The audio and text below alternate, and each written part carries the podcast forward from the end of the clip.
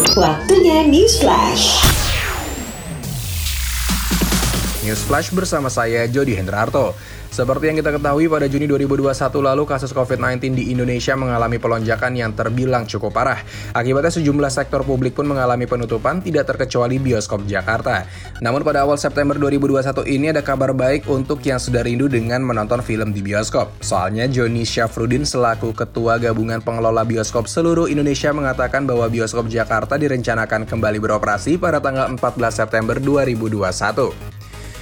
Kita beralih ke informasi lainnya, kabar bahagia bagi penggemar berat Justin Bieber. Pasalnya dokumenter tentang Justin Bieber yang digarap oleh Amazon akan tayang pada 8 Oktober di seluruh dunia.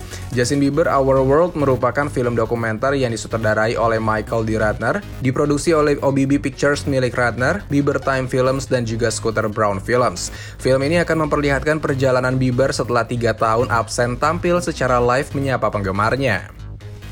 Lanjut ke dunia olahraga, bintang Manchester United Cristiano Ronaldo menyewa pengawal yang bertugas dalam 24 jam guna menjaga keluarganya dari ancaman perampok.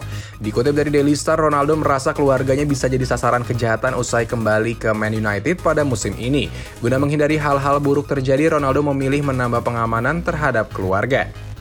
Lanjut ke informasi lainnya, Valentino Rossi mengungkapkan satu permintaan terakhir di MotoGP jelang balapan MotoGP Aragon 2021 pada hari Minggu 12 September mendatang.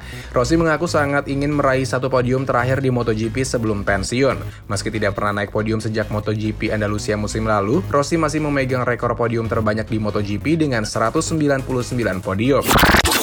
Update terus berita terbaru cuma di News Flash. Itu dia tadi News Flash bersama saya Jody Hendrarto.